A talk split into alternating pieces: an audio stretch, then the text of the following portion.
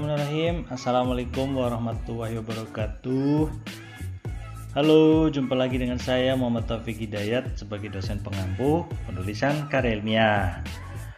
Mudah-mudahan kalian masih ingat ya kemarin pertemuan pertama kita yang membahas tentang hakikat karya ilmiah kemudian membandingkan karya ilmiah dan karya non ilmiah udah udah belajar ciri-cirinya ya karya ilmiah yang mana dan karya non ilmiah itu yang yang mana itu seperti itu.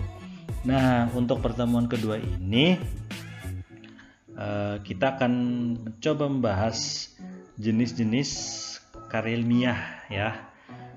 Oke langsung saja. Nah karya tulis ilmiah itu eh, secara umum ya dibagi menjadi dua.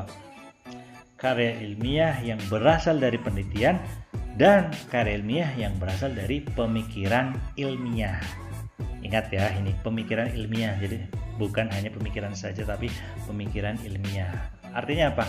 Ya pemikiran yang menggunakan cara-cara yang dipakai ilmuwan.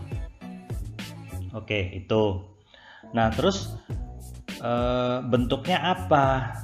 bentuk dari karya ilmiah ini yang bisa berupa uh, hasil penelitian atau hasil pemikiran ilmiah itu bisa macam-macam.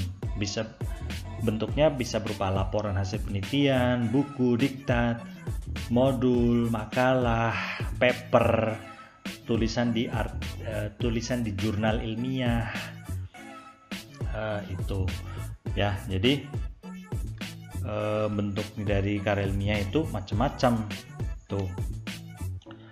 Nah ini menurut Florencio Lapena dan Peh 2020 ini kalau berdasarkan format gaya dan tujuan dari karya ilmiah ini maka karya ilmiah ini dibagi menjadi eh, lima ya jadi lima jenis ini. Dan ditambah satu ya ini karena saya nambahkan sumber dari program kreativitas mahasiswa jadi ada 5 plus 1 ya. Kita akan membahas 6 jenis karya ilmiah. Oke langsung saja. Pertama jenis yang pertama yaitu jenis karya ilmiah yang namanya artikel primer atau laporan penelitian. Jelas ya ini. Ya berarti ini jenisnya ini berupa laporan penelitian. Ini paling mudah lah. Anda bisa sangat mudah menemukan di Google misalnya skripsi, tesis, disertasi, eh, kemudian penelitian BKKBN misalnya, penelitian KPAI, penelitian. Nah, itu laporan-laporan itu namanya artikel primer atau laporan penelitian. Jelas ya. Saya beri contoh penelitian PGC misalnya. Eh, jadi penelitian itu macam-macam ada eh, macam-macam jenisnya. Jadi laporannya juga macam-macam. Bisa laporan penelitian tindakan kelas laporan penelitian eksperimen laporan penelitian studi kasus dan sebagainya. Contoh kalau penelitian eksperimen hmm, PGSD ya eh, pengguna efektivitas metode X terhadap hasil belajar IPA di SD kelas 5 misalnya seperti itu. Tuh oke sekarang yang kedua jenis karya ilmiah yang kedua yaitu artikel sekunder. Yang tadi artikel primer atau laporan penelitian sekarang artikel sekunder atau artikel tinjauan. Nah ini. Contohnya itu tinjauan sistematis artikel tinjauan sistematis. Apa itu tinjauan sistematis?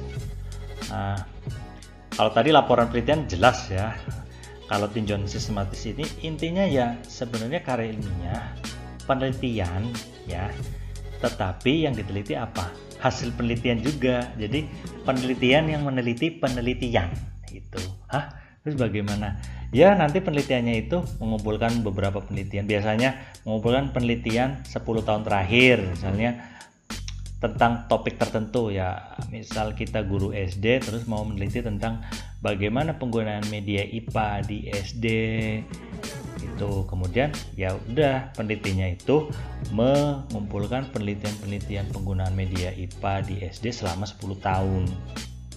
Kemudian setelah dikumpulkan dibaca diteliti terus kesimpulannya oh ternyata penggunaan media IPA di SD di selama 10 tahun di Indonesia misalnya uh, kurang. Kemudian yang paling banyak dipakai adalah video misalnya dan sebagainya. Itu namanya tinjauan sistematis ya yang ketiga artikel khusus.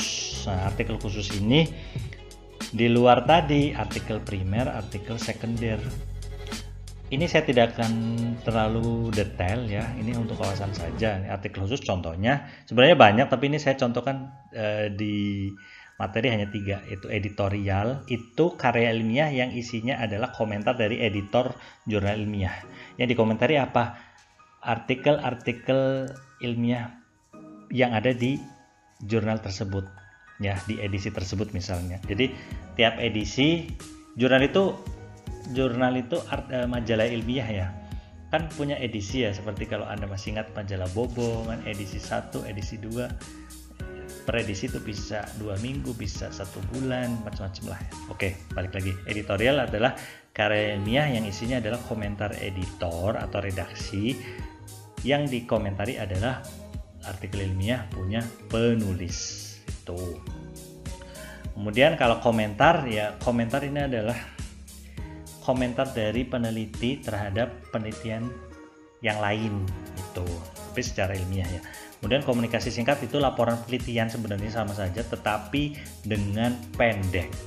Oke.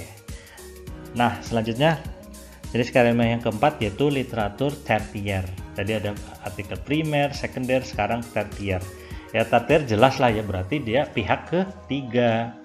Paham ya maksudnya pihak ketiga? Nah ini contoh sepertinya primer itu asli ya ini.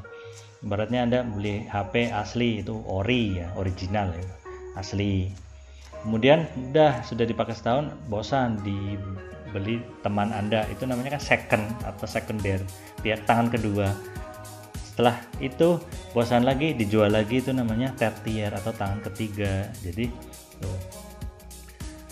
Kalau yang tadi primer kan hasil penelitian sendiri, makanya pertama. Kalau artikel sekunder hasil penelitiannya orang yang diteliti kan penelitiannya orang, jadi sekundernya. Ketiga, ini eh, yang ke yang selanjutnya tertier berarti dia dari, bisa eh, sumber dari karya ilmiahnya adalah artikel sekunder atau artikel primer. Jadi bisa laporan penelitiannya orang atau laporan penelitian yang meneliti penelitian-penelitian. Nah, agak bingung juga ya. Intinya seperti itulah Anda sudah paham. Ini contohnya buku ajar, modul ensiklopedia. Buku ajar atau ensiklopedia itu kan di situ kadang isinya ya ngambil dari mengambil dari uh, tinjauan sistematis atau dari hasil penelitiannya orang. Tuh. Dan terakhir itu literatur abu-abu. Nah, ini namanya juga abu-abu ya antara hitam dan putih. Nah ini intinya eh, artikel karya ilmiah yang masih antara ilmiah dan tidak ilmiah. Nah itu ya. Ini contohnya yang ada di tulisan-tulisan ilmiah yang ada di website sosmed dan poster. Jadi ini makanya namanya uh, literatur abu-abu. Oke. okay.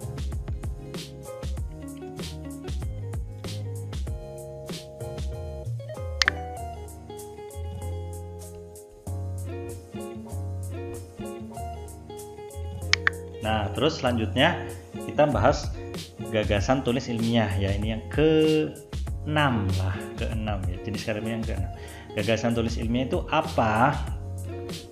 Nah, gagasan tulis ilmiah itu ya intinya karya ilmiah yang di dalamnya adalah gagasan atau ide yang dibuat secara ilmiah atau mengikuti metode-metode yang sudah di uh, apa sudah ada pakemnya ya.